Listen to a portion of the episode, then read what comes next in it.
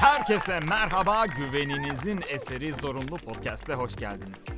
Bir ara öyle bir şey vardı hatırlıyor musunuz? İnsanların güvenini kaybetmektense para kaybetmeyi tercih eden bir Alman abi vardı. Zaten bir yerde eğer güven ve huzur ortamı ekstra vurgulanıyorsa onda bir tuhaflık var demek. Örneğin işte huzur çay bahçesi, huzur aile salonu, huzur bilmem ne Luna Parkı falan filan. Yani orada bir huzursuzluk var belli ki ekstra bir huzur vurgusu yapıldığına göre herhangi bir ticari oluşumun tanıtımında en çok ne vurgulanıyorsa ondan işkillenmekte fayda var. Çok net.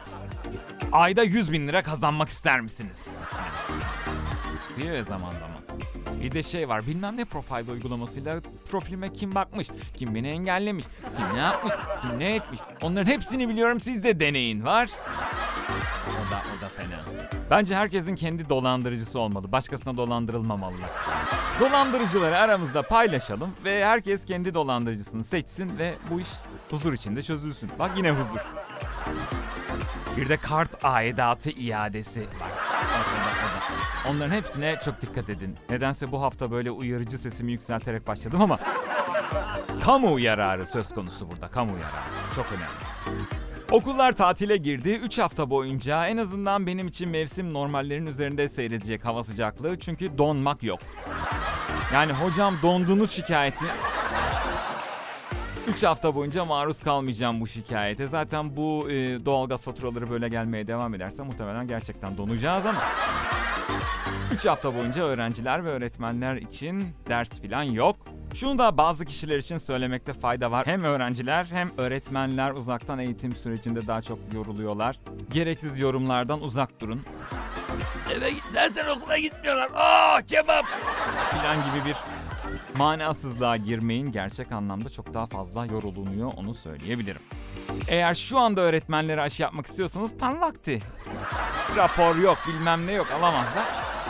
Ama kabahat bende. 90'larda bir tane kaset yapsaydım şu anda aşı sıralamasında daha öne geçecek. Gerçekten merak ediyorum. Herhangi bir sağlıkçının, tek bir sağlıkçının bile önüne geçtiğini bilerek aşı yaptırmış olan herhangi bir selebriti bunu hangi mantıkla yaptırmıştır anlaşılması gerçekten zor. Selebritileri anlama kılavuzu. Zor bir hayat olsa gerek değil mi yani? Şöhret. Eski şöhretler de kalmadı artık. Ayda 5000 lira geliri olan şöhretler var. Harika. Bence artık kendimi şöhret sayabilirim. Bu hızla gidersem en çok vergi ödeyenler listesine bile girebilirim.